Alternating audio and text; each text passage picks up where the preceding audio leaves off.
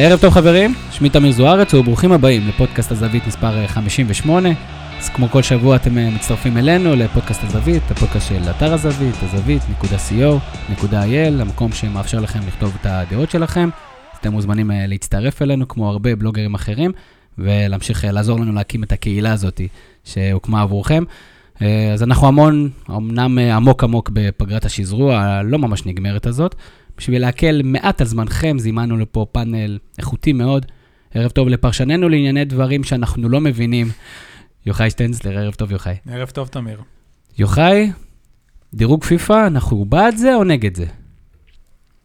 תלוי באיזה מקום אנחנו. כשזה טוב ואנחנו מנצחים, אז uh, עולים בדירוג, כי אפשר לעלות מאוד מאוד בקלות בדירוג גבוה. כשאנחנו מפסידים ונראה קצת פחות טוב, פחות, אבל לא הייתי מייחס לו חשיבות מאוד מאוד גבוהה. אז אנחנו לא אוהבים אותו, כי אנחנו רוב הזמן לא מנצחים. פעם אהבנו אותו. כרגע לא. אוקיי. בנוסף, יש לנו אורח מיוחד, ערב טוב לעיתונאי יואב בורוביץ' מ-i24 News, אה, בלוגר בהארץ, מנחה הפודקאסטים Baseline אה, NBA ופרימיירה פרמייר ליג של הפודקאסט אני מקווה שביטאתי נכון, ערב טוב יואב. ערב מצוין, תמיר ויוחאי. יואב, אנחנו מסתכלים קצת על המונדיאל, בעקבות, בכל זאת אנחנו בפגרה, איזה נבחרת הולכת לעשות לנו את הקיץ הבא? אני מקווה שבלגיה, כי אני בעד איזשהו סוג של צדק בכדורגל העולמי, ואני חושב שבלגיה היא ממש יוצאת מן הכלל. אני, אני מאמין גדול שמרבית המדינות באירופה ובכלל בעולם הלכו לאחור מבחינת הכדורגל שלהן. כלומר, מייצרות הרבה פחות כישרון מאשר פעם. אני עוקב אחרי כדורגל 35-40 שנה, זה הפרספקטיבה שלי. ובלגיה הולכת נגד הטרנד. היא ב-10-15 שנים האחרונות מייצרת הרבה הרבה יותר כישרונות מאשר פעם, למרות שבלגיה יש לה היסטוריה מפוארת בעבר הרחוק, אבל מה שבעיקר מיוחד זה שבלגיה כל כך מייצרת יותר מאחרות. תראו את בלגיה והולנד למשל, שהולנד תמיד הייתה אימפריה, פתאום בלגיה עקפה אותה בסיבוב, רק מה? בלגיה לא מצליחה לתרגם את כל הטאלנטים שלה להישגים עד עכשיו, ואני אומר, לא יכול להיות שמדינה כל כך קטנה ומדינה עם הרבה הרבה הרבה בעיות ומדינה תפוקה בהרבה מובנים, מייצרת עשרות של כדורגלנים מדהימים ולא עושה שום הישג. אז אני מאוד הייתי רוצה לראות את בלגיה עושה הישג ענק, אבל אני אוהד אנגליה. יפה, אהבתי את הסיומת. אנחנו נדבר גם כן על בלגיה, באמת נבחרת מאוד מאוד מסקרנת, כמות כישרונות אדירה. אז uh, באמת כרגיל uh, לא מעט נושאים על הפרק, אבל לפני שנצלול לעניינים שלנו, אנחנו מאוד מתרגשים, uh, גם השבוע יש לנו חסות לפודקאסט שלנו. יוחאי, אתה פעם חלמת להיות בעלים של קבוצת כדורגל? יש ילד שאוהב כדורגל שלא חולם להיות בעלים של קבוצת כדורגל? יש דבר כזה? מי שרוצה לשמור על הכסף שלו. אז כמובן שחלמתי, כרגע המצב הכלכלי לא מאפשר, אז הסתפקתי ב... בלקחת קבוצות ב manager, להעלות אותן מליגה שנייה, שלישית, עד לזכייה בליגת האלופות. אבל למה אתה שואל? אז יפה, אחלה ביום. אז אנחנו אולי לא בעלים, אבל הפרק הזה מוגש לכם בחסות אינטראקטיב ישראל, שהיא, כפי שאתה אולי יודע, פלטפורמת המניות היחידה בישראל, המאפשרת לכם להשקיע במניות של קבוצות כדורגל ברחבי העולם. יש ב-26 מדינות, 120 בורסאות, ותוכלו לגלות uh, עוד הרבה נתונים באתר שלהם, אינטר, קו אמצעי il.com. ולגלות עוד הרבה דברים. אז קודם כל, תודה רבה שאתם תומכים בנו, ואתם בהחלט יכולים להשתמש בפלטפורמה הזאת. נחזור לכדורגל, כמה נושאים לנו, יש לנו על הפרק, גם כן נדבר קצת על מדד פיפא, מתחבר לטור שלך מהבוקר, יוחאי, אחלה טור לגבי פיפא, המדד הזה, מה הוא אומר, איך הוא בהשוואה למדד וופא, נדבר קצת על המונדיאל, ננסה לעשות סוג של דירוג עוצמה, להבין מי הנבחרות שיכולות להיות מעניינות אה, לקראת המונדיאל בשנה הבאה, נדבר גם כן על הליגות האירופאיות, עושה רושם שרוב הליגות האלה סגורות, ננסה להבין האם זה אכן כך המצב, ואיזה עוד ליגות בכל זאת מעניינות. אז בוא נרוץ קדימה, ויוחנן, אני מתחיל איתך. מדד פיפא, למה הוא חשוב בכלל? אה, מדד פיפא, לא הייתי מתרגש ממנו בכל מיני פרסומים במועדים לא רלוונטיים, כי הוא לוקח הרבה מאוד גורמים, הוא עושה השוואות בין נבחרות ביבשות שונות. הוא בעצם רלוונטי בשני מועדים עיקריים. הגרלת הבתים למונדיאל, שזה מה שקורה לשבוע הבא, שזה מאוד חשוב, ובהגרלת המוקדמות אה, של המונדיאל גם כן, שזה משהו כמו עוד שנתיים. זאת אומרת, הנבחרת שלנו כרגע, העובדה שהיא מקום 98, כי הייתה לה שנה פחות טובה, נקרא לזה, גם ביחס לאחרות שהן גם לא מדהימות, אז בסדר, יש לנו הרבה בעיות, אנחנו מכירים את הבעיות האלה, לא צריך להתרגש. זה מדהים שיש 98 מדינות. יש 97 מדינות שכרגע מדורגות לפנינו. 97 מעלינו זה ברור, אבל אתה יודע. כן, יש לדעתי משהו כמו 200 מדינות נכון. בפיפ"א. אמ, המדד הזה הוא מאוד בעייתי, כי אני חושב, קודם כל ההשוואה בין, בין היבשות היא מאוד קשה לביצוע. אמ, בעצם לכל מדינה יש משחקים שונים, בקונפדרציות שונות, יש מוקדמות מאפריקה, ובעצם המדד, המשקל הכי גדול שלו נותן 50% לתוצאות בשנה האחרונה, וגם כולל משחקי ידידות. זאת אומרת שבמקרה נבחרת, זה בכלל לא לוקח קמפיין שלם. אנחנו יודעים בכלל איך זה נקבע? כן. איך? אוקיי, אז בעיקרון, זה מפורט כמובן בטור, אתם רוצים באמת לחפור, אבל עושים, אה, לוקחים, אה, לכל משחק יש ניקוד, בהתאם לתוצאה, בהתאם לעוצמה של היריבה, בהתאם למסגרת גם כן. אה, וגם יש גם איזשהו מקדם של היבשת, עושים ממוצע ניקוד, ואז עושים ממוצע לארבע שנים האחרונות, שכמו שאמרתי, השנה האחרונה היא 50 אחוז מכל הנקודות. לפי המדד הזה, כן. אני מבין שבעצם יבשת דרום אמריקה היא היבשת שיש לה את הציון הכי גבוה, יותר, מה, יותר מהאירופאיות. יואב, אתה מסכים עם הקביעה שבאמת דרום אמריקה יותר קשה מאירופה, למשל? אני חושב שממוצע רמת הכדורגל בדרום אמריקה יותר גבוהה, יש הרבה פחות מדינות. כשאתה רואה משחקי מוקדמות בדרום אמריקה, זה מטורף. גם ה... המלחמה על המגרש וגם הכדורגל, אתה רואה טכניקה הרבה יותר גבוהה. ברור שהרבה מהמשחקים לא מצולמים מספיק טוב, בשעות מאוד קשות, גם מאוד אלימים לפעמים. אבל הכדורגל בדרום אמריקה הוא עדיין נשאר יותר נאמן למקור שלו. אה, הוא כדורגל שנובע קודם כל מה, מהסביבה, מהרחוב, מה, מהפשטות, מדלת העם. המון תשוקה בדרום המון אמריקה. המון תשוקה. אה, גם בדרום אמריקה, אגב, אפילו ברזיל הגדולה, ברזיל הגדולה לא מייצרת היום את הכישרונות של פעם. צריך להבין את זה, גם ברזיל. אם תעשה השוואה היום לטאלנטים בברזיל לעומת לפני, ויש טאלנטים, לעומת לפני 10, 20, 30, 40 שנה, זה לא, זה לא אותו דבר. אבל דרום אמריקה עדיין הכדורגל לפי דעתי יותר טוב. כמובן שיש לו המון המון בעיות, והטאלנטים הבאמת גדולים בדרום אמריקה לרוב עוזבים בשלב מאוד מוקדם לאירופה, חלקם מצליחים בענק, חלקם כושלים בענק. זה גם עניין של אישיות, של מזל, לאן אתה מגיע, מה הסיטואציה, אבל לא מפתיע אותי שעכשיו אה, אנחנו שומעים שהנבחרות בדרום אמריקה יש להם את הציונים הכי גבוהים בדירוג פיפא. מה שאני רוצה להגיד לגבי דירוג פיפא זה שאף אחד אצלנו, אני חושב, לא התעניין בדירוג הזה עד השבוע שפתאום התגלה שפלסטין עברה אותנו. כן, אף אחד לא התעניין בזה. ואולי בצדק אף אחד לא התעניין בזה, כי באמת...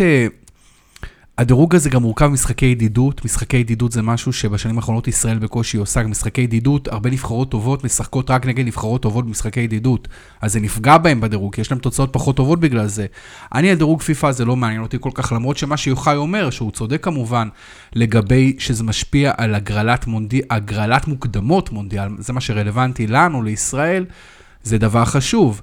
אבל כשאנחנו מדורגים בסביבות ה-98, בוא נגיד ההגרלה משקרת 10, 20, 30 מקומות, עדיין זה מראה לך שאנחנו מחוץ למונדיאל, גם אם ירחיבו את המונדיאל ל-48, ומעבר לזה, אנחנו עדיין מחוץ למונדיאל. זה, אני חושב, המשמעותי, וזה דירוג לא כל כך משקר, כי אני טוען, אני, אני כותב את זה הרבה שנים, ואני רב על זה עם הרבה מאוד אנשים.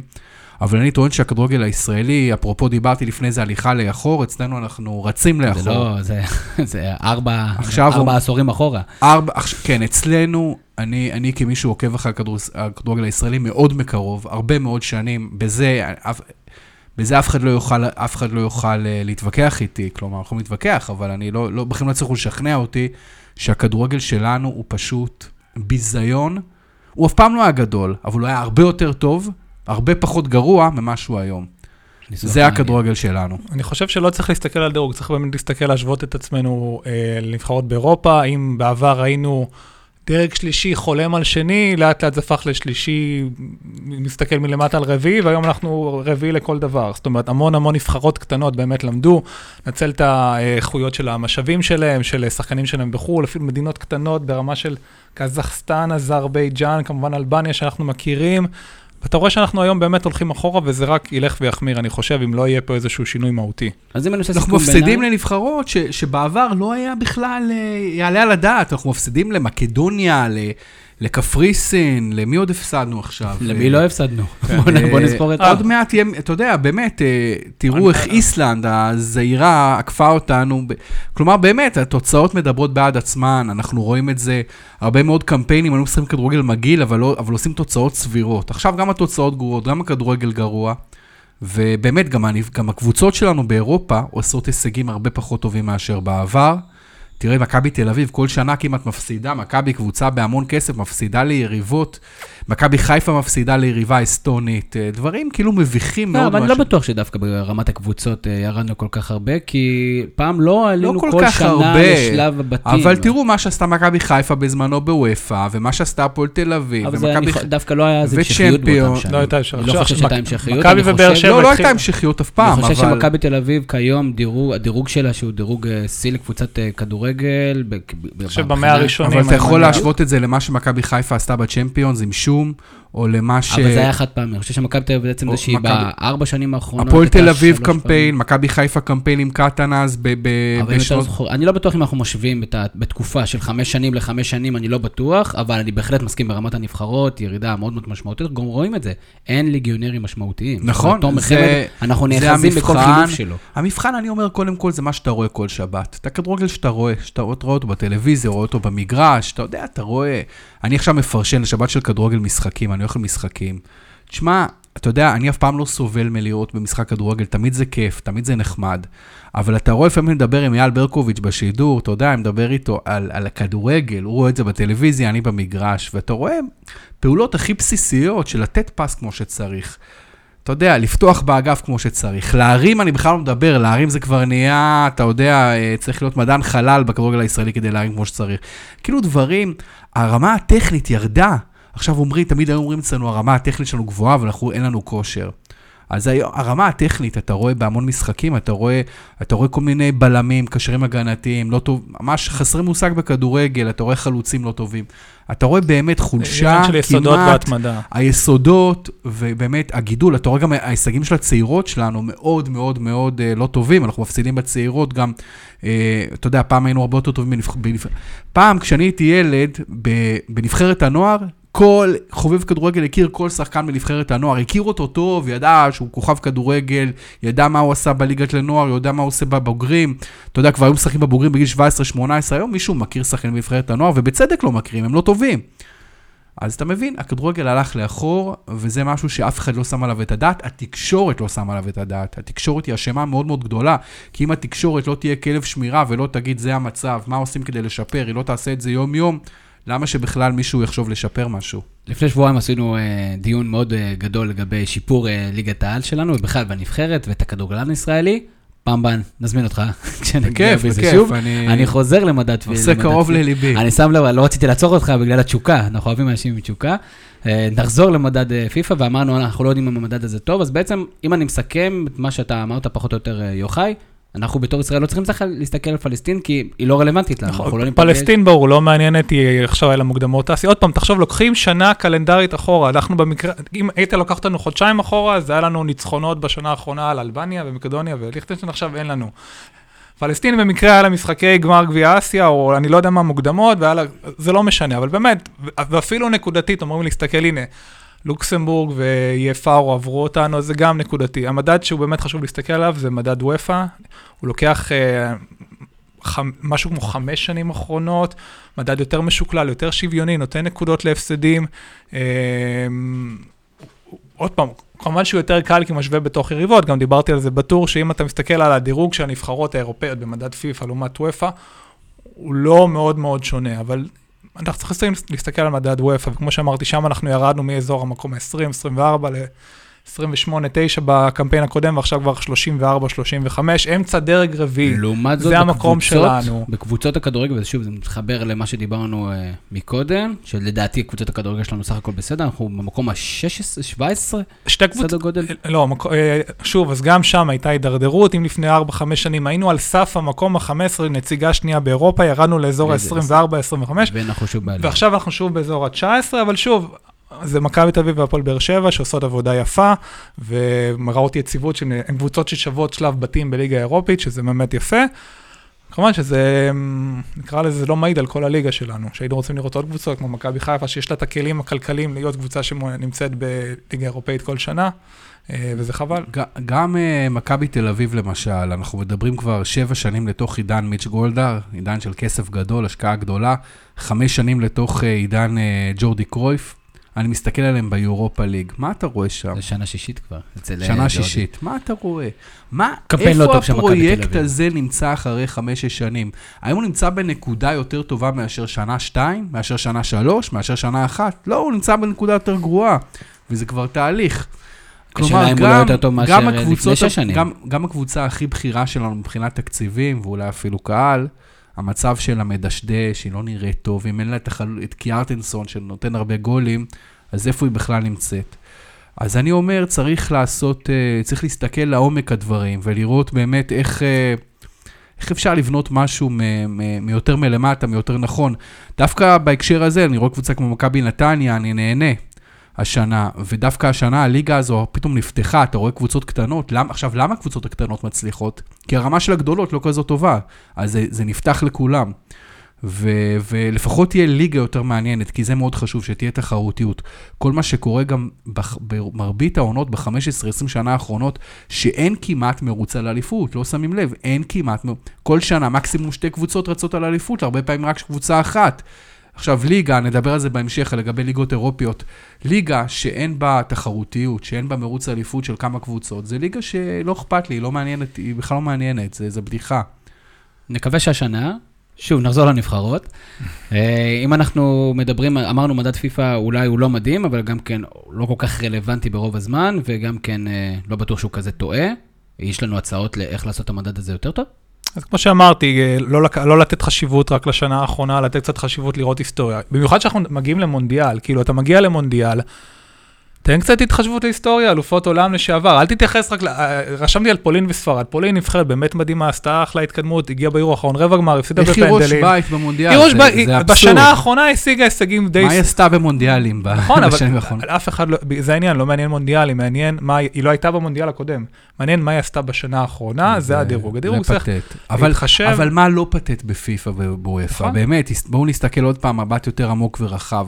מה לא פתטי בארגונים האלה, שמחרבים את הכדורגל, שהם ארגונים מושחתים, שהם ארגונים שלא מקדמים את הכדורגל בשום דבר, ש, שבאמת, כאילו, הם לא, תראו אפילו מבחינה חוקתית, מבחינת שופטים, מבחינת גולים לא חוקיים, מבחינת לא יודעים כן לשלב טלוויזיה, לא יודעים לא לשלב טלוויזיה, רבים על זה 20 שנה, פה כן משלבים, פה, פה לא משלבים, פה לפעמים כן, לפעמים לא. זה, זה גופים שפשוט, אני לא מדבר כבר על להחליט לעשות מונדיאל ברוסיה עם, עם, ובקטאר ובכל מה שהם עושים, זה, אני לא מדבר בכלל על הדברים האלה. וכל השוחד שהיה.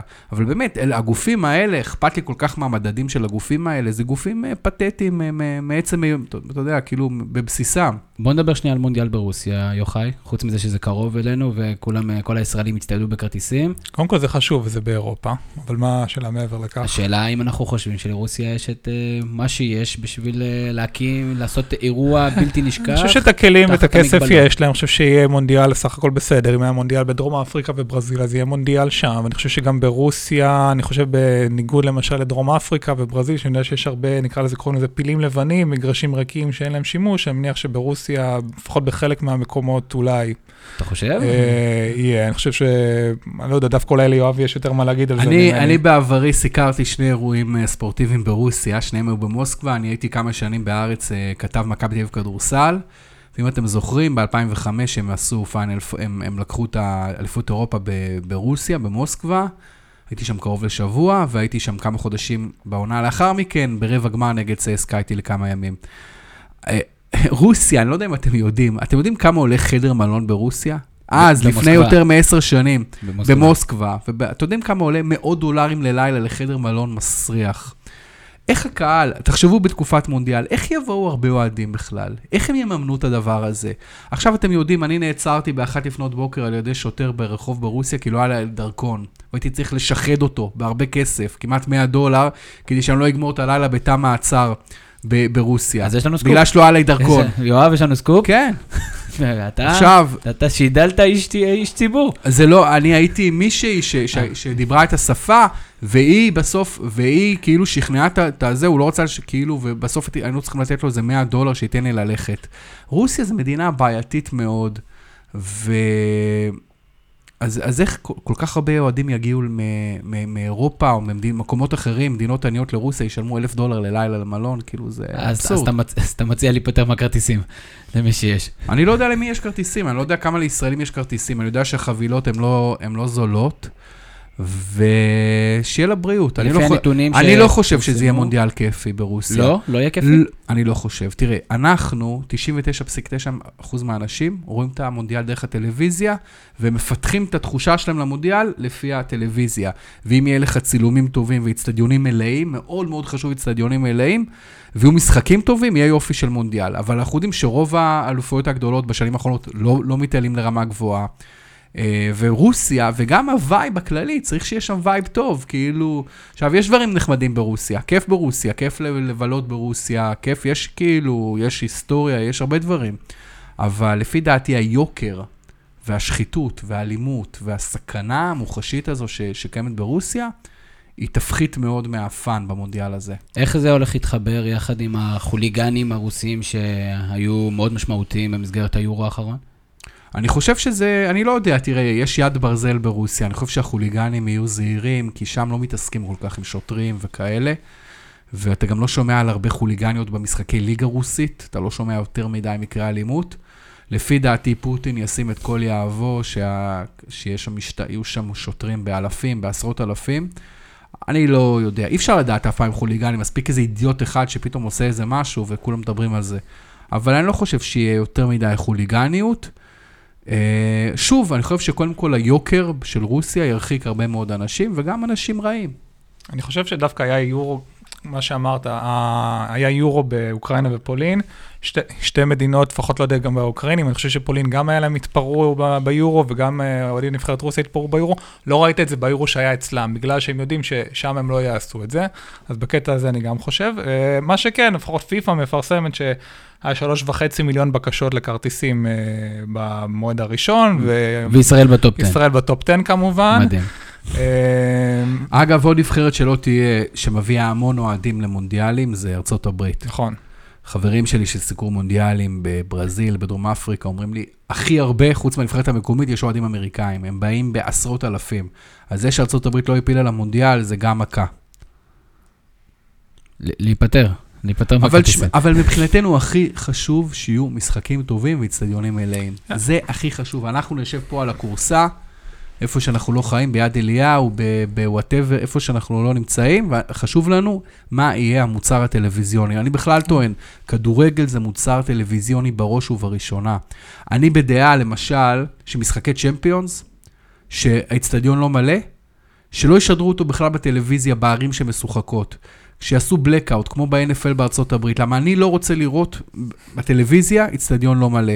אז אם אני, למשל, בנפולי, אוקיי? נפולי משחקת בצ'מפיונס ליג, יש לה איצטדיון, 70 אלף מקומות, הוא לא התמלא, הוא לא סולד אאוט, אז בכל נ... אזור נפולי ודרום איטליה, אני עושה blackout. כן, שם יש- לא יראו משחקים. עונש, וזה למעשה... זה. נשמע לא זה כל לא כך אני חוקי, המצאתי אבל זה זה. משהו שאפשר לעשות זה ברוסיה, לא אני אני מניח. המצאתי.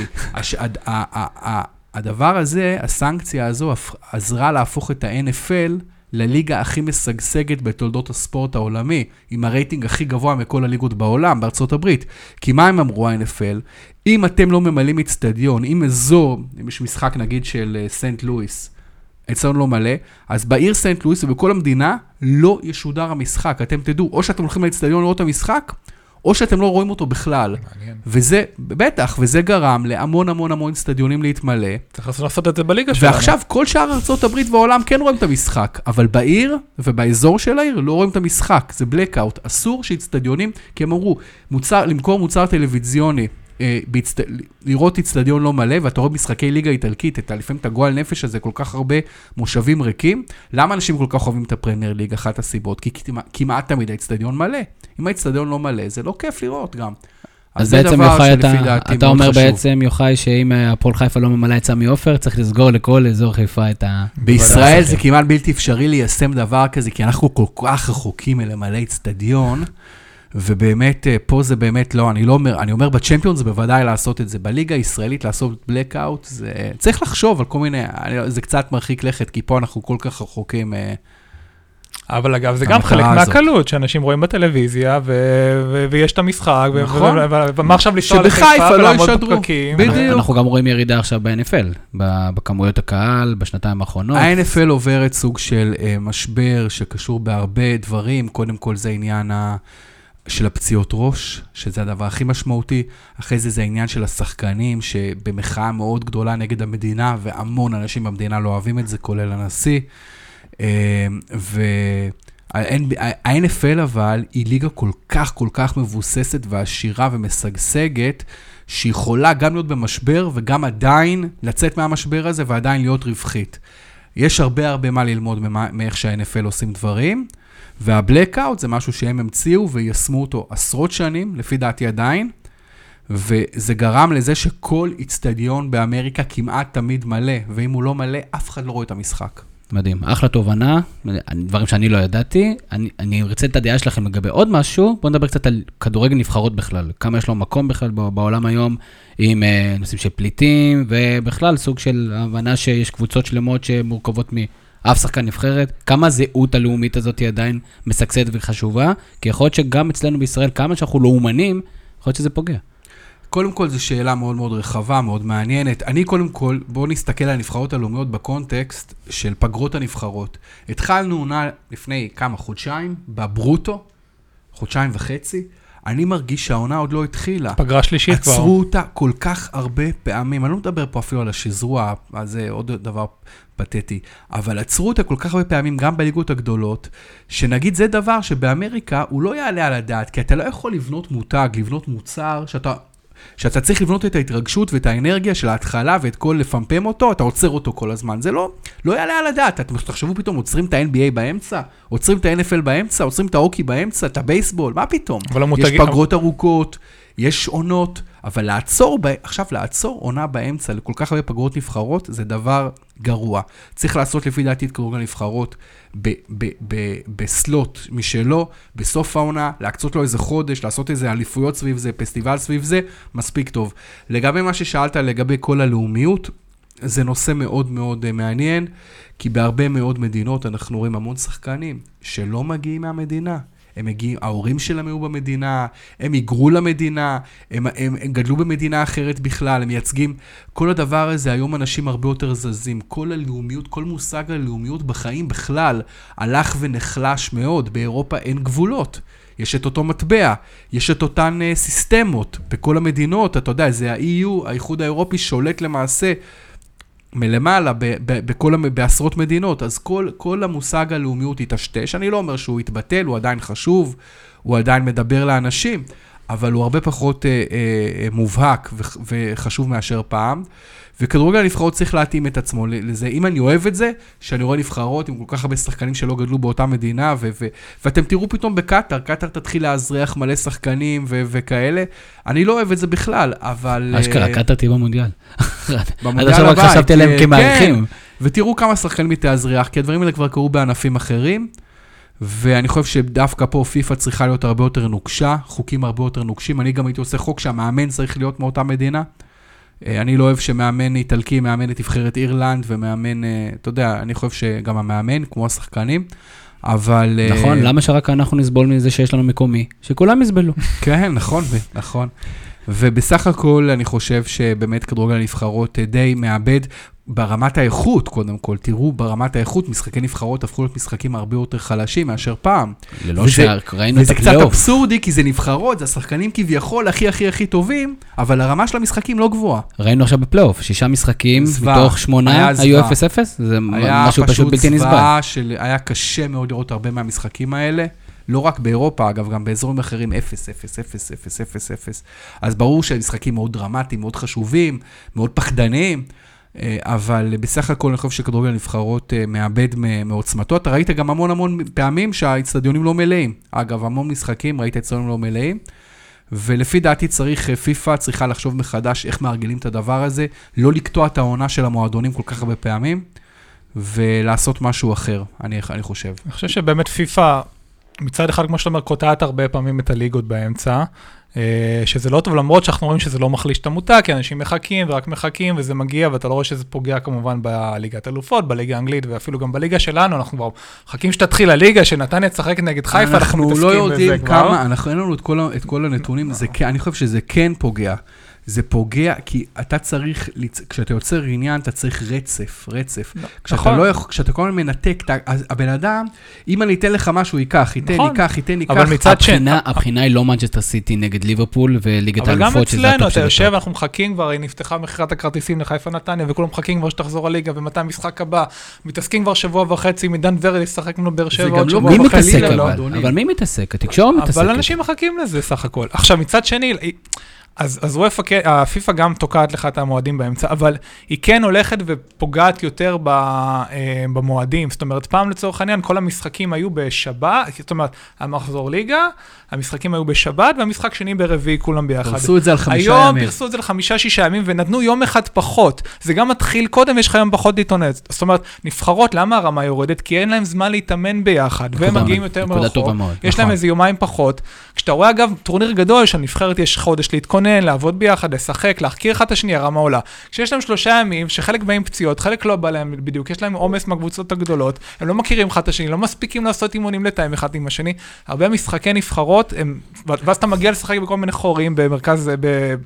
באירופה, במקדוניה, בכל מיני מקומות, השחקנים לא מכירים, לא מתואמים. ולמה אנחנו נופלים שם בנבחרות? כי אנחנו כי לא אנחנו- טובים.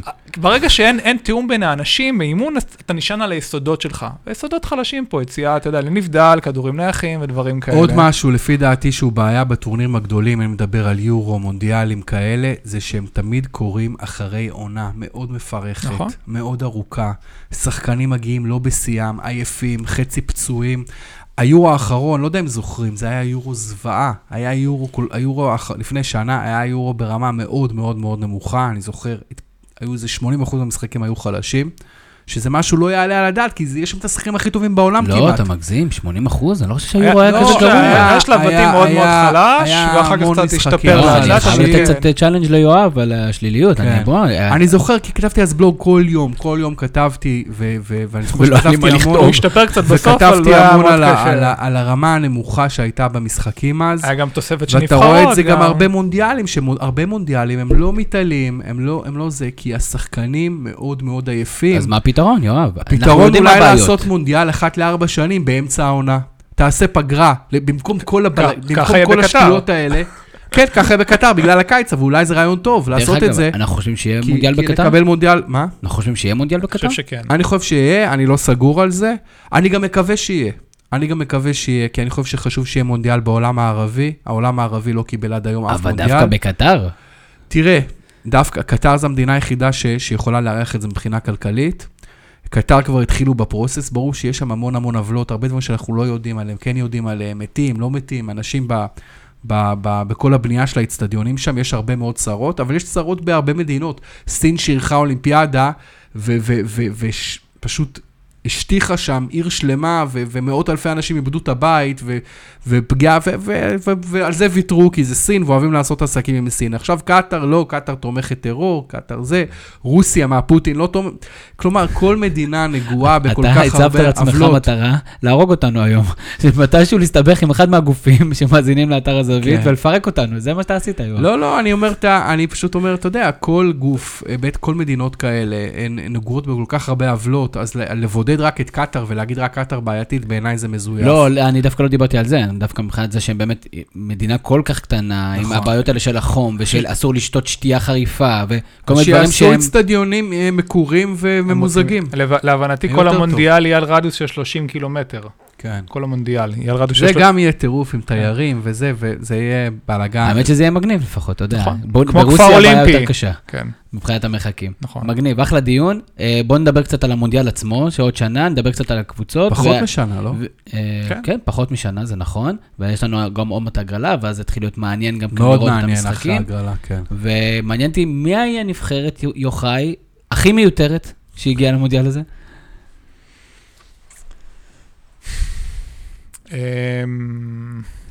שאלה טובה, התכוננתי אליה, יש כמה, אני מנסה לחשוב, נראה החלשות ביותר, ככל הנראה, מדברים על סעודיה ופנמה, אבל פנמה זה פעם ראשונה, וזה מרגש, וזה מרכז אמריקה, וזה נחמד, אה, וסך סיפור הכל, אדיר. סיפור אדיר, אז אז זה נבחרת חדשה וצבעונית, מרכז, תמיד יהיה שמח אם יביאו הרבה צבע, גם אם לא כדורגל גדול. אה, דווקא כנראה, תמיד אני טענתי שאין מספיק אירופאיות במונדיאלים, אבל אחרי הפלייאוף האחרון יכול להיות ש... לא, שזה יש- מספיק. יש יותר. מדי קצת, כן, כן. מה הסיפור של פנמה, יואב? תספר לנו את פנמה, הסיפור המדהים.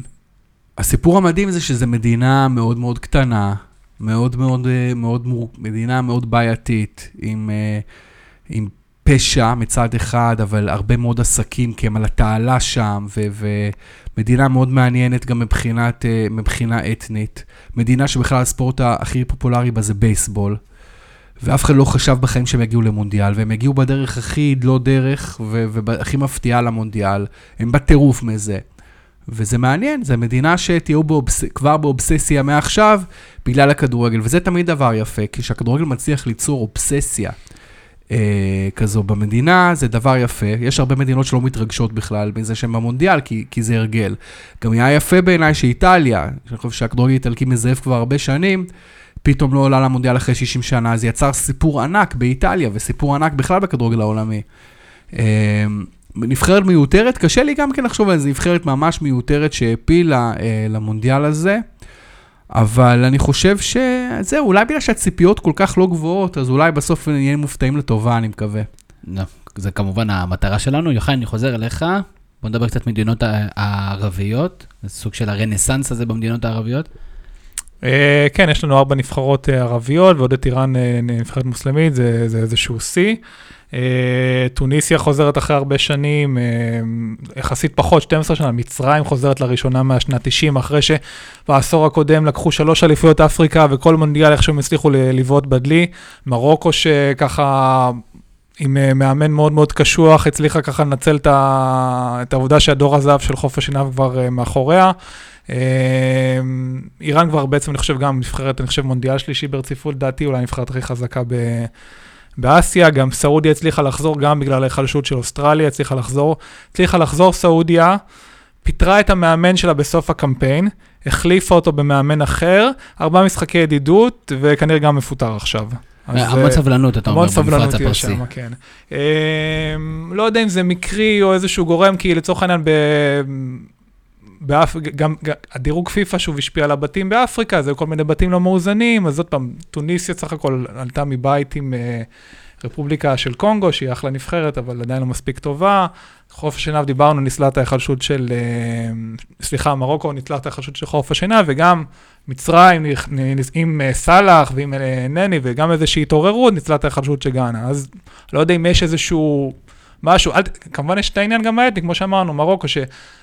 הכדורגל העולמי מאוד משתנה, כי הם בעצם, כל השחקנים האלה נולדו כבר באירופה, הם קיבלו ערכים ו- ו- ויסודות של כדורגל אירופאי ומביאים אותם לנבחרות שלהם. מה, אני חייב רק אה, לשקף למאזינים שלנו, שאתה כרגע לא קורא מדף את כל הדברים שאתה מספר פה. כן. זה, זה הכל באמת זה קודח, ובאמת, אני חושב שאת הראש הזה צריך לתרום למדע. הבתים שם ב- כן. במוקדמות באפריקה כן. מסודרים לו פה זה בראש. הפיל אותי, הרפובליקה של קונגו הפילה אותי. אני. חושב שראינו פה השתלטות של המדינות הצפון-אפריקאיות הערביות על חשבון אפריקה השחורה.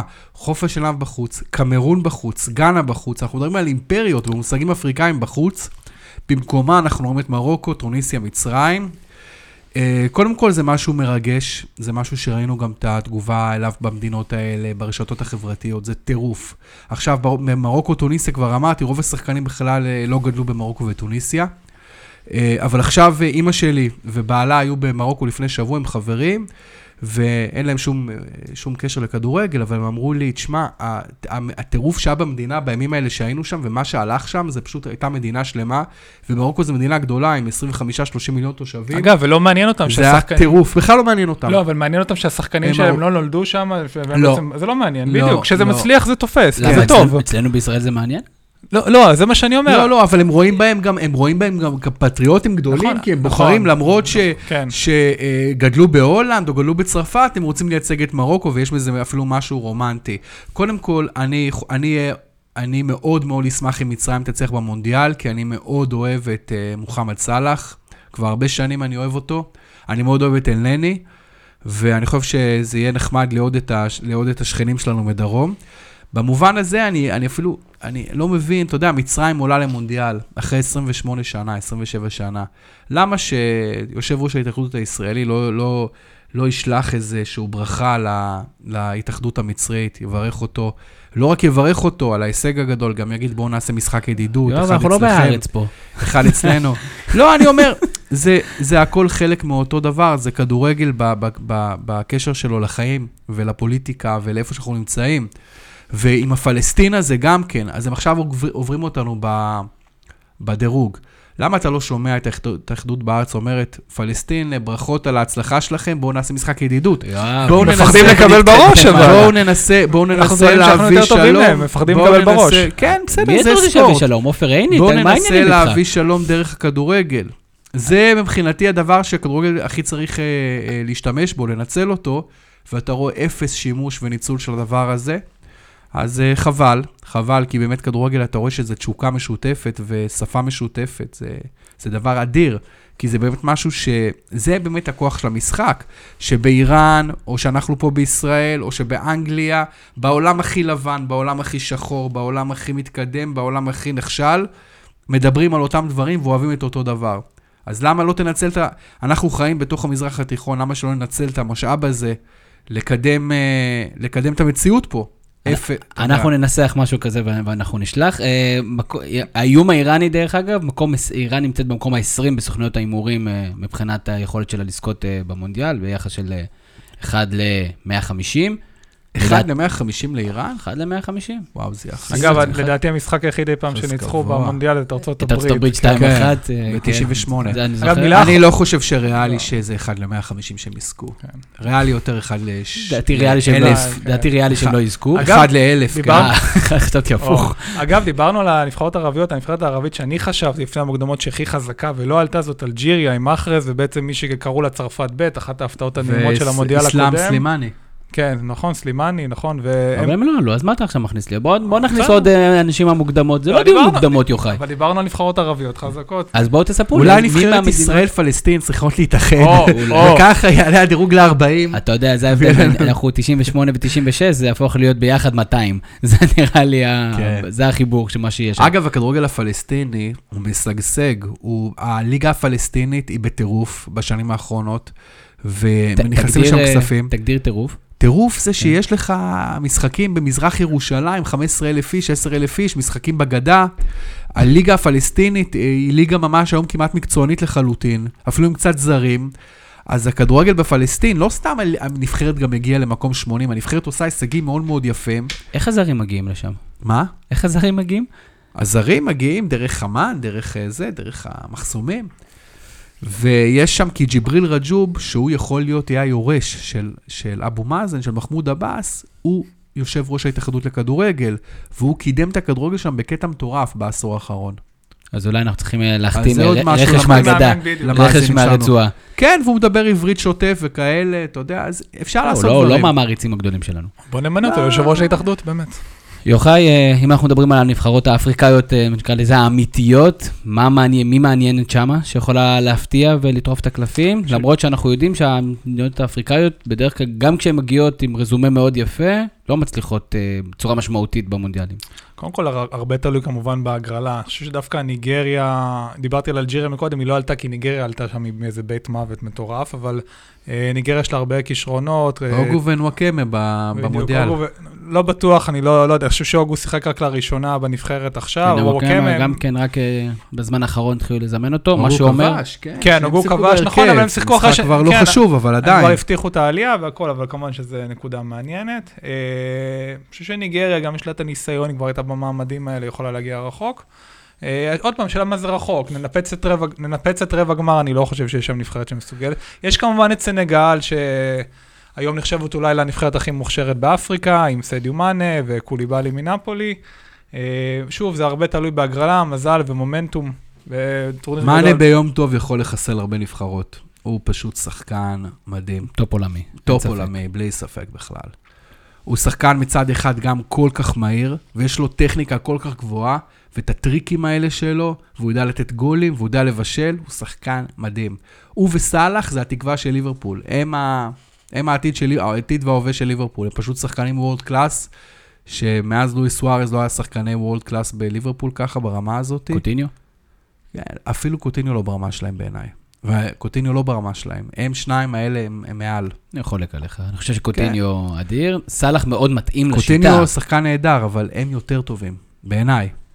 אם אני חייב לוותר, אתה אומר לי שלושה, אתה, יודע זה, אני, אני הולך עם השניים האלה, בעיניי הם, השחקנים הכי טובים בקבוצה. שחקנים שונים, הם לא, לא אותו דבר, אבל... אז הכנסת אותנו לדיון על אנגליה. כן. באיזה שלב אנגליה תבעט בדלי? אני חושב שהאנגליה, תראה, אני אוהד אנגליה אה, חולה. אז תסביר, אני... מה, רגע, תגדיר, מה, מה זה אומר חולה? חולה זה שאני, הקשר למציאות אה, מתנתק, אתה מבין? אתה אוהד יותר מדי, אתה מתחיל אה, להיות בהזיות. קוראים לזה אוהד אה, אנגליה. אתה אוהד לא. מכבי חיפה.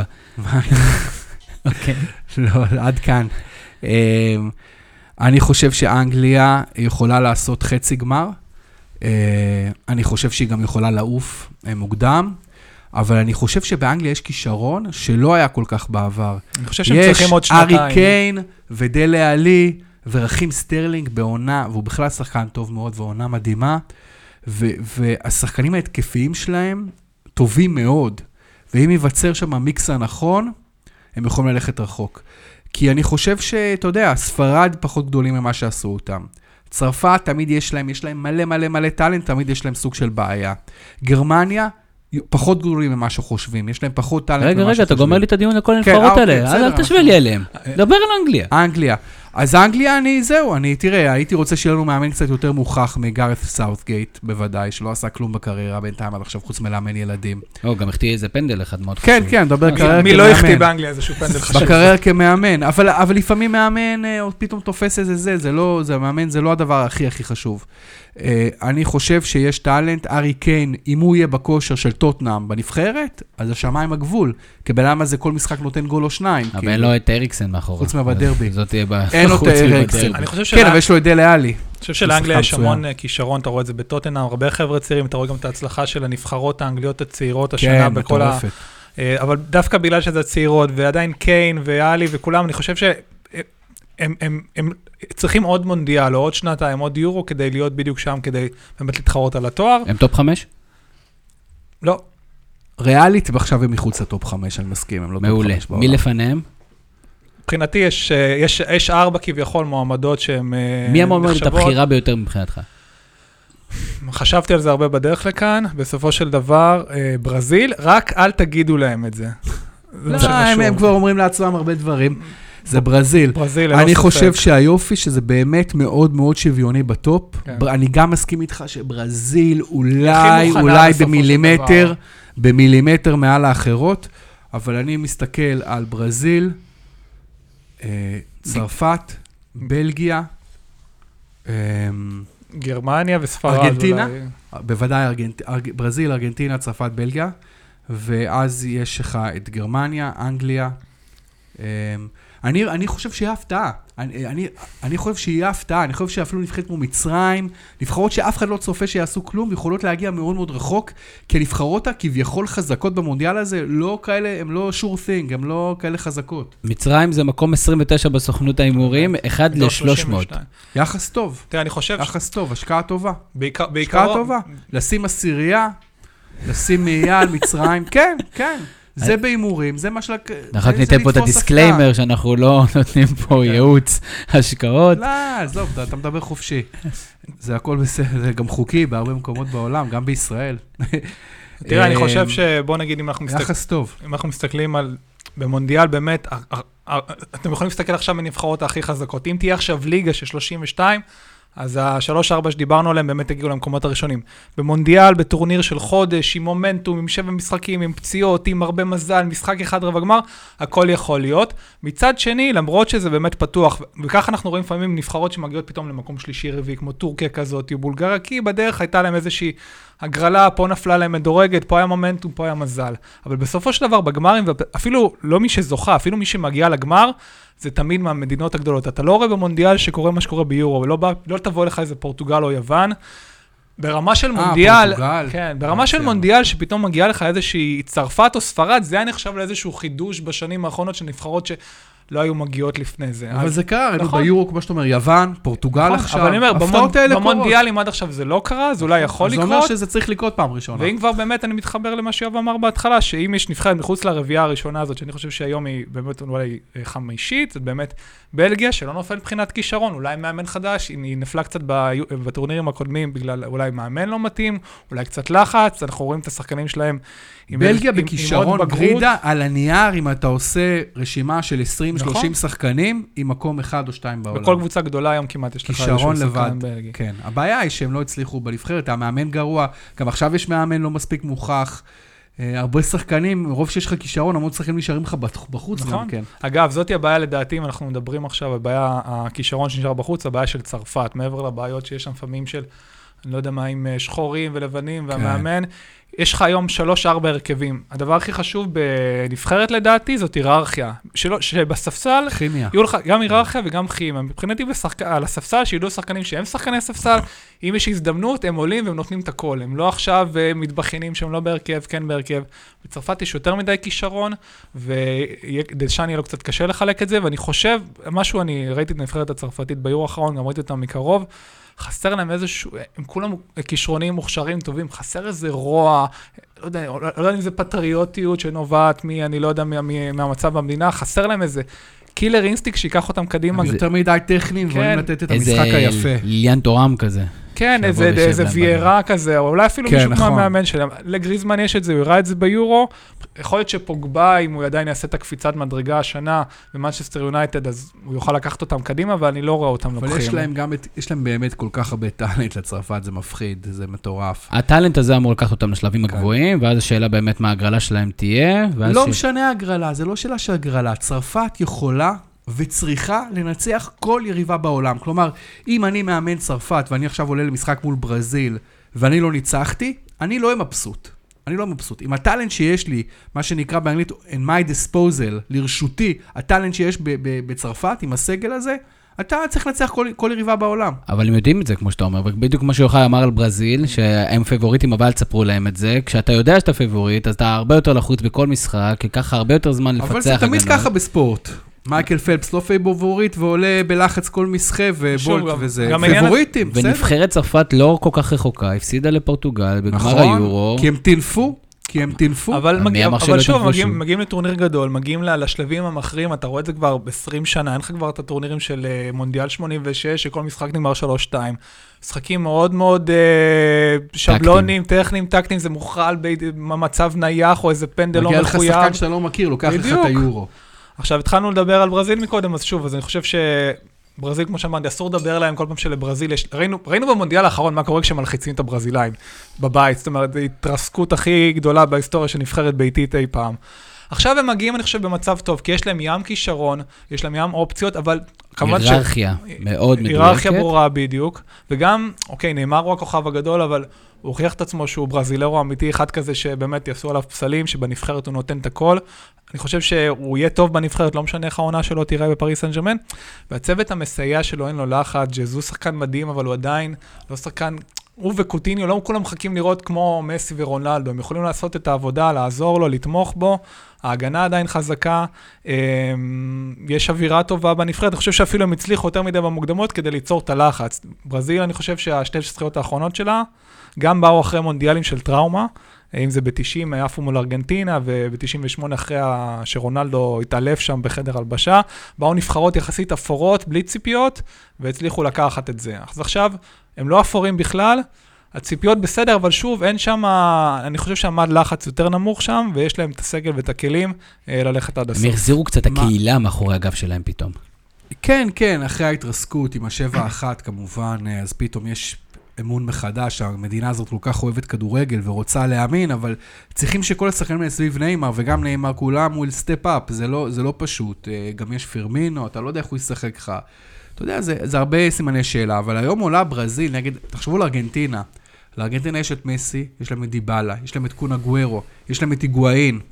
אבל יתר החוליות שלהם בינוניות, אני חושב. אה, בסדר, נכון, נכון, אבל תראו איזה אבל- שחקנים. נכון, ותראו איזה נבחרת תראו איזה אה, שחקנים לא ראיתם. יש, נכון, כי דיבלה בחיים לא משחק, קונה גוורו לא עושה כלום בנבחרת, היגואין בקושי עושה משהו, דימריה, גם אבל דיברנו. די מריה כבר, נכון, בכלל, הוא מזייף גם בקבוצה. אבל תראו איזה שחקנים יש לארגנטינה. אז אני אומר, ארגנטינה גם כן יכולה אי ללכת אפשר מאוד לפסול מאוד- אותם, אבל מצד שני הם. צריכים להוכיח שהם מסוגלים לעשות את זה. בוודאי, צריכים להוכיח. מסי צריך להוכיח. מסי צריך לשחק כמו מסי. אם מסי, גם אם משחק, מסי ישחק כמו מסי, עם הצוות המסייע הלא מספיק טוב שלו, מול הרבה קבוצות, הם לא יהיו תלויים בעצמם. לא מסכים. כי אז אפשר להצמיד מסי לו עד שני היום שחקנים. במונדיאל אף פעם לא שיחק קח כמו קבוצה מסי. אירופאית כמו קרואטיה כזאת, שהיא קבוצה טופ אה, בינוני פלוס. דרג ראשון באירופה. דרג ראשון, דרג כן, ראשון בינוני שני פלוס, כן, באירופה, ב- שני, בעולם. עלו מהמקום השני, יכולים להציב עליו איזה שני בולדוזרים מה שיתקרבו זה אליו. להציב עליו? אתה חושב שבצ'מפיונס ליג לא מציבים עליו? שחקנים יש הרבה יותר כוכבים, כלים. הוא לא זה? מה? בצ'מפיונס, מול קבוצות ענק? בכל הקלאסיקו, ריאל לא מציבה עליו. איך הוא לא? מסי. אבל הוא משחק בברצלונה. כן. ובקלאסיקו האחרים, אבל האחרונים דווקא. הסתדרו איתו אבל יפה. נכון, נכון. אני אומר, אני לא אומר, מסי זה... זה- לא, הרבה פעמים אתה צודק, הוא לא מתעלה משחקים גדולים. זה הבעיה קצת של לא, מסי. אני לא אמרתי שהוא לא מתעלה, מבחינתי הוא הוא עצום. אני שם שנייה את האלמנט מסי בצד, ואנחנו אומרים, מסי, אותו מסי, נגד משחקים, גם נגד ונצואלה וקבוצות אה, קצת יותר חלשות, ארגנטינה מאוד מאוד התקשתה, אף אחד לא אומר נכון. שהוא... היא לא 0-0 תתקדם. בבית. ובסוף איך הם עלו? כן. איך הם עלו בסוף? אבל כן, משחק... מסי- קבוצה שסיימה את ה... מסי אמר לכולם fuck you ושם שלישייה. אה, ככה הם עלו אני- בסוף. אתה יודע מה? אם הוא ישחק ככה במונדיאל, הם הולכים עד הסוף. תרשה לי לא להתרשם ממשחק אחד ספציפי ששואו והראה את הגאונות העצומה של מסי, כי זה היה נגד קבוצה שאיבדה סיכוי לעלות. הם לא שיחקו שם נגד קולומביה, גם לא כן, נגד... בסדר, ועדיין בסדר. בקונסטלציה מסוימת אה, של הגרלה לא- ומומנטום, והולך לו, יכולים אין ספק שהם כמובן יכולים, להגיע, כי, את ה- כן. כי את הכישרון יש. אבל אני רק אומר שלחשוב שיהיה אלמנט מסי, ומסי ייקח אותם שלושה שלבים, ארבעה שלבים למעלה, לדעתי זה יהיה אופטימי מדי. כי נכון, כי בעבר הוא לא. הוכיח שהוא לא- עושה את לא- זה בנבחרת. למרות ששוב, קשה להגיד, הוא- מספיק שהיגואין קצת יותר מרוכז, ויש לו היום מונדיאל ואנחנו מדברים אחרת. נכון, אבל אני אומר גם כל העניין הזה, עם ד- דיבלה שחקן ענק, נכון, עושה דברים ענקיים ביוב ובאיטליה הרבה שנים. אבל יש דיבור, אתה מבין, דיבלה לא עולה אף פעם בנבחרת ארגנטינה, אז אתה שואל את עצמך למה, אז יש שמועות שמסי לא רוצה שדיבלה יעלה. לך תדע, נכון, לא נכון, אני חושב שזה די נכון, אבל יכול להיות. זה לא, אבל אתה מבין, אתה אומר איך לעזאזל נבחרת לאומית יכולה להתעלם משחקן כמו פאולו דיבלה, זה נכון. לא הגיוני אג- בכלל. אגב, אני חושב ש... איך קונה גוורו, שכובש כל כך הרבה גולים באירופה כל כך הרבה שנים, נותן כל כך מעט לנבחרת, זה לא הגיוני בכלל. זה דברים שלא, אין, הם לא צריכים להיות ככה. אגב, אם אני לוקח את זה לנבחרת אחרת, אנחנו רואים את זה למשל, אה, קחו את שוודיה, אחרי היורו, יורו כושל נורא ואיום, זלאטן פורש, שישה שחקנים פורשים.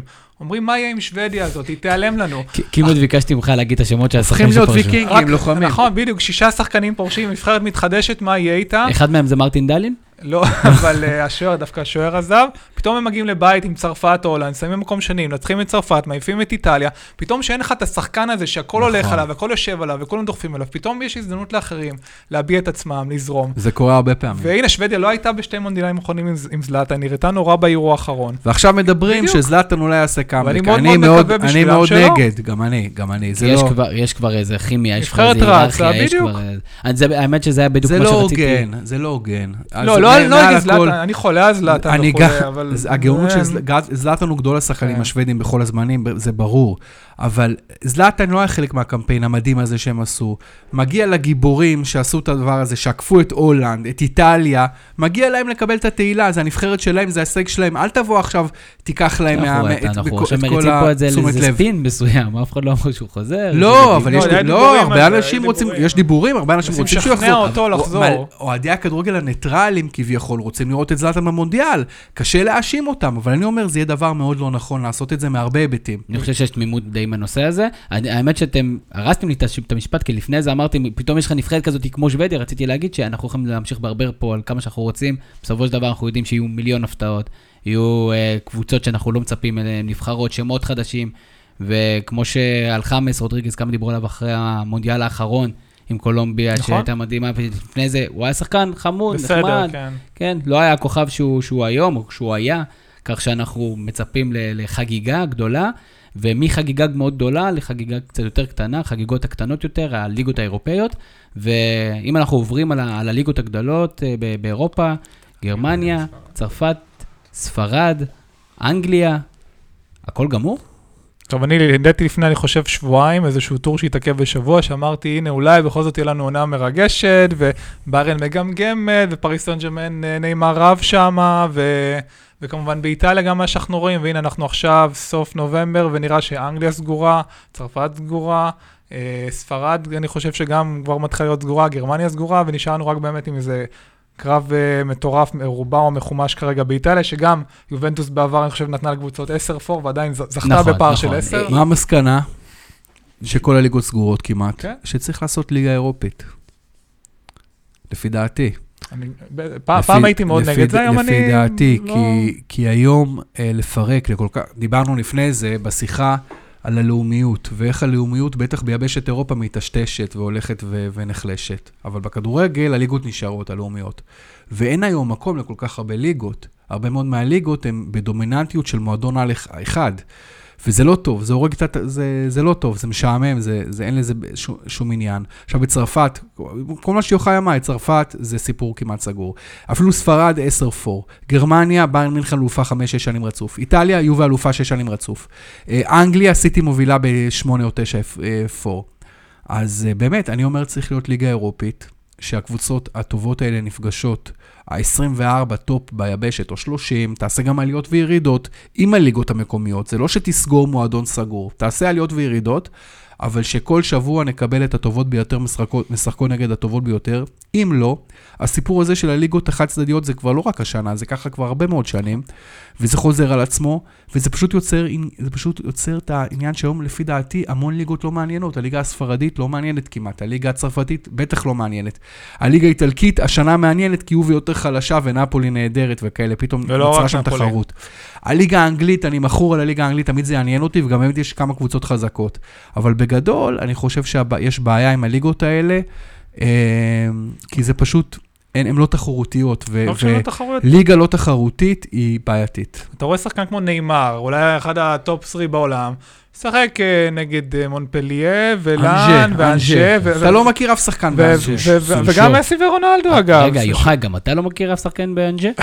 לא, יש גבול. יש גבול. אבל אה, גם מסי ורונלדו. ואמבפה מצטרף אליו, יומיים אחרי שניימר בא ב-240, מגיע אמבפה ב-180. אגב, מסי ורונלדו מול חטאפה ולבנטה. מול חטאפה ולבנטה אז לפני שאתם סוגרים לי את הליגה, קודם כל, באמת, אחלה נקודה, אני מודה שאני לא חשבתי עליה, של אוקיי, בואו נאחד, נעשה כזה כמו שיש בכדורסל, כשהליגות המקומיות הן פחות משמעותיות, אבל בואו נדבר שנייה על כן קבוצה שמעניינת, והיינו בטוחים שהיא הולכת לתפור את, את כל הליגה הספרדית, בטח אחרי משחקי הסופרקאפ. יוחאי, מה הבעיות של ריאל מדריד? מה הבעיות של ריאל מדריד? איך ריאל מדריד הגיעה לסיטואציה שבה היא 10 נקודות מברצלונה? אני חושב שקודם כל זה התחיל בזה, לא יודע אם לקרוא לזה יהירות, אבל הכל הלך לה טוב מדי. זאת אומרת, כולם דיברים וזידן ורונלדו התעורר והכל טוב והכל בסדר. ואז התחילה העונה, או, אנחנו מדברים על אוגוסט. עוד שיש זמן לתקן, ריאל מפרקת את מנצ'סטר יונייטד בסופרקאפ, מנצחת בקלות את ברצלונה בסופרקאפ הספרדי, ואומרת, אוקיי, הכל טוב, הכל בסדר, אנחנו לא צריכים להביא אף אחד, יכולים להרשות לעצמנו, לשחרר שחקנים, אה, לא להביא ככה רכש מספיק טוב, הכל טוב, הכל זורם. ואז פתאום, מה היה הכוח של ריאל שנה שעברה? המחליפים שלהם היו הרבה משחקים שהם היו עולים, היה לך את מורטה, וחמאס, ואיסקו, ואסנסיו וכולי. שניים עזבו, כמובן, לא הביאו להם מחליפים ראויים, ואפילו איסקו ואסנסיו, שהיה להם את הקלף של לעלות מהספסל לפעמים, לעשות את השינוי, למרות שאיסקו יותר נכנס להרכב בהמשך, פתאום הם, הם בהרכב. ו- והם בתוך העומס הזה. כמובן שאתה מצרף לזה הרבה פציעות, הפציעות של המגינים, גם קרבחל, גם מרסלו לא בכושר, אין שוער פתאום, פפה עזב, משהו ככה יצא מאיזשהו איזון שם. הקבוצה, אני לא יודע, דווקא, והשלישייה המרכזית אולי גם יש איזושהי עייפות שם. משהו לא זורם שם. ואפילו בייל פצוע. רונלדו לא כובש, חברים. רונלדו לא נותן גולים. אבל זה לא רק, אבל זה לא רק. ריאל, גם כשהוא היה כובש, היה איזשהו שטף מטורף במשחק, כמו שאמרנו, שיא של כיבושים, גם כשהוא כן היה טוב, כן על המגרש, לא. לדעתי, הוא נתן באמת גז שנה שעברה בליגת אלופות בנוקאוט, אבל באורך העונה, הוא קצת ירד לספסל וכולי, והקבוצה זרמה, הכל הלך טוב.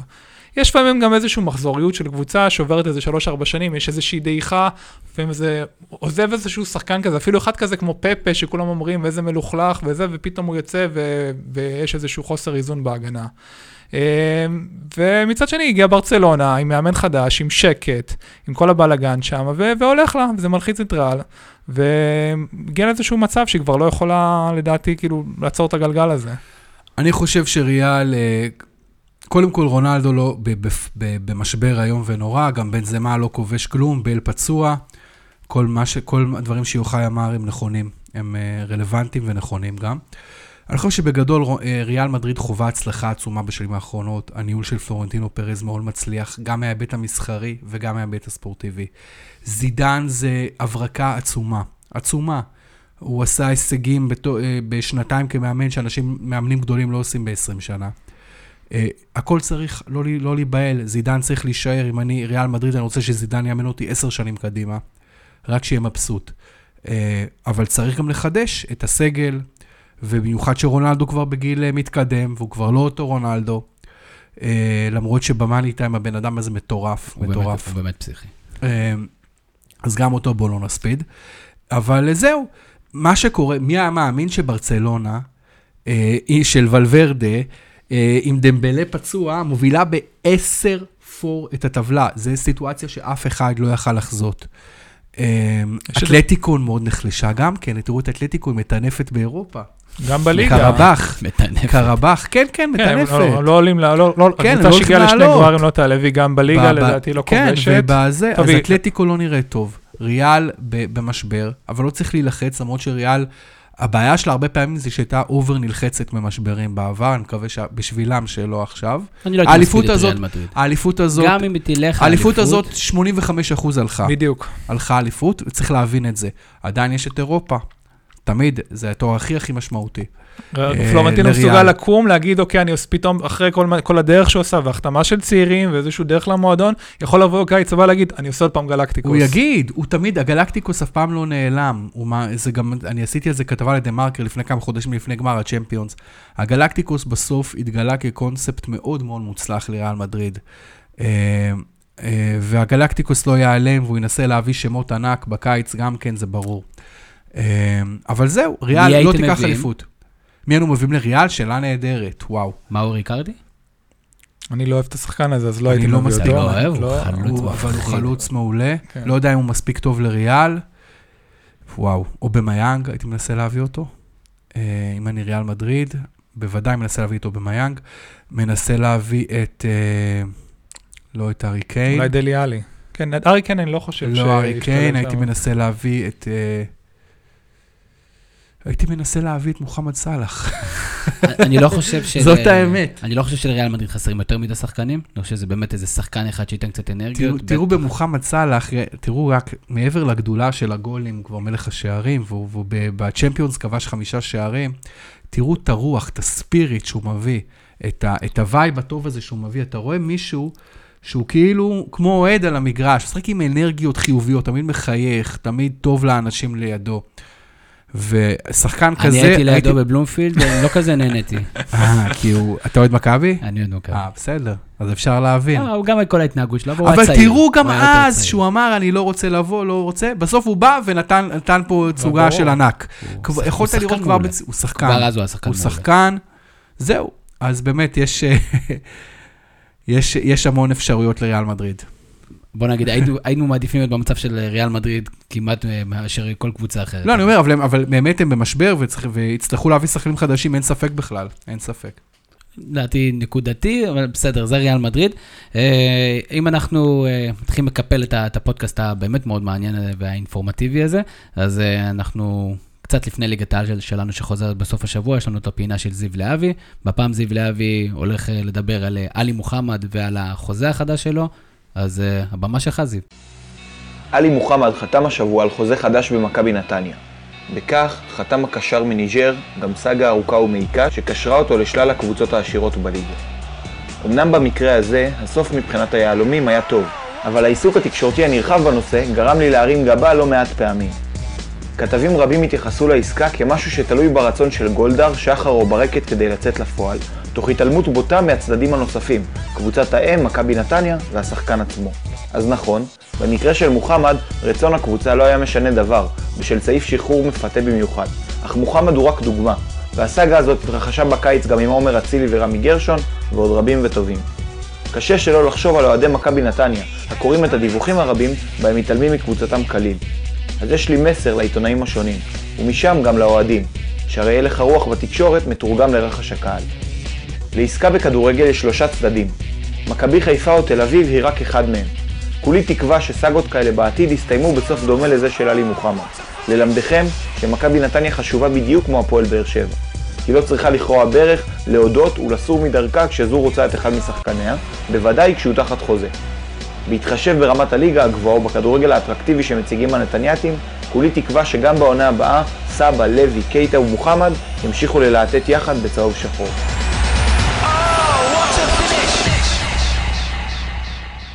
תודה רבה, זיו, מעניין כרגיל. אנחנו מתחילים להתקרב לסיום, אז uh, יוחאי, תספר לי משהו uh, שלמדת היום מהפודקאסט הזה. למדתי כל כך הרבה דברים, אני לא יודע. קודם כל, אני חושב אה, שאפשר לעשות blackout לעיר שלמה, בגלל שהם לא מילאו את האיצטדיון. יותר זה- מהיר, כל הסטייט. וואו. ואתה מבין, משהו. וכשאומרים לישראל לעשות את זה לפלסטינאים, כולם פתאום קופצים. אומרים, מה זה, זה לא בסדר. הכל? בקונטקסט. הכל בקונטקסט. יואב, תודה רבה שהיית איתנו. תודה, היה ממש ממש כיף. אה, באמת שיחה שיכולתי יכולנו להמשיך איתה עוד הרבה מעבר, אבל באמת היה תענוג, ואני אשמח אה, להיות אצלכם מתי שתרצו. ואנחנו נעשה עוד דיון על הליגה הישראלית, שאנחנו רואים שזה בוער בך, ואנחנו נשמח, נשמח שתבוא. יש עוד המון נבחרות שלא דיברנו עליהן במונדיאל, אני לא מדבר על האיזוטריות, שכמובן תמיד יש לי יש מה עוד להגיד עליהן, אבל זה יש עוד זמן, כן. בדיוק. יש עוד אתה גם הרבה מוזמן זמן לכתוב, יש. אתר שאפשר לכתוב אליו, ושמעתי, הזווית.co.il, אתה יכול לשלוח לנו טורים, אנחנו- אני מניח שאנחנו נפרסם אני אותו. מקווה שכן. אז אני רוצה שוב להודות, להודות אה, לחסות שלנו, אה, כמובן אה, אינטראקטיב ישראל, פלטפורמת המניות היחידה בישראל, מאפשרת לכם להשקיע במניות של קבוצות כדורגל. אה, אתם יכולים להיכנס דרך האתר שלהם, אינטר, קו אה, אמצעי, il.com, ואז אנחנו כמובן מודים להם. ואני רוצה להודות לברק קורן, האיש ש... אחרת לא היינו יודעים בכלל שאנחנו מדברים פה ויושבים, בטח לא היו שומעים אותנו, אז תודה רבה ברק. אה, יוחאי, יואב, אני הייתי תמיר זוארץ, אתם מוזמנים להאזין לפודקאסט שלנו גם כן ב SoundCloud, גם כן באפל, גם כן באנדרואיד, ואם אתם לא מסתדרים, אז פשוט תשלחו לנו הודעה ואנחנו נספר לכם. אז אה, המשך ערב אה, מעולה, תודה רבה.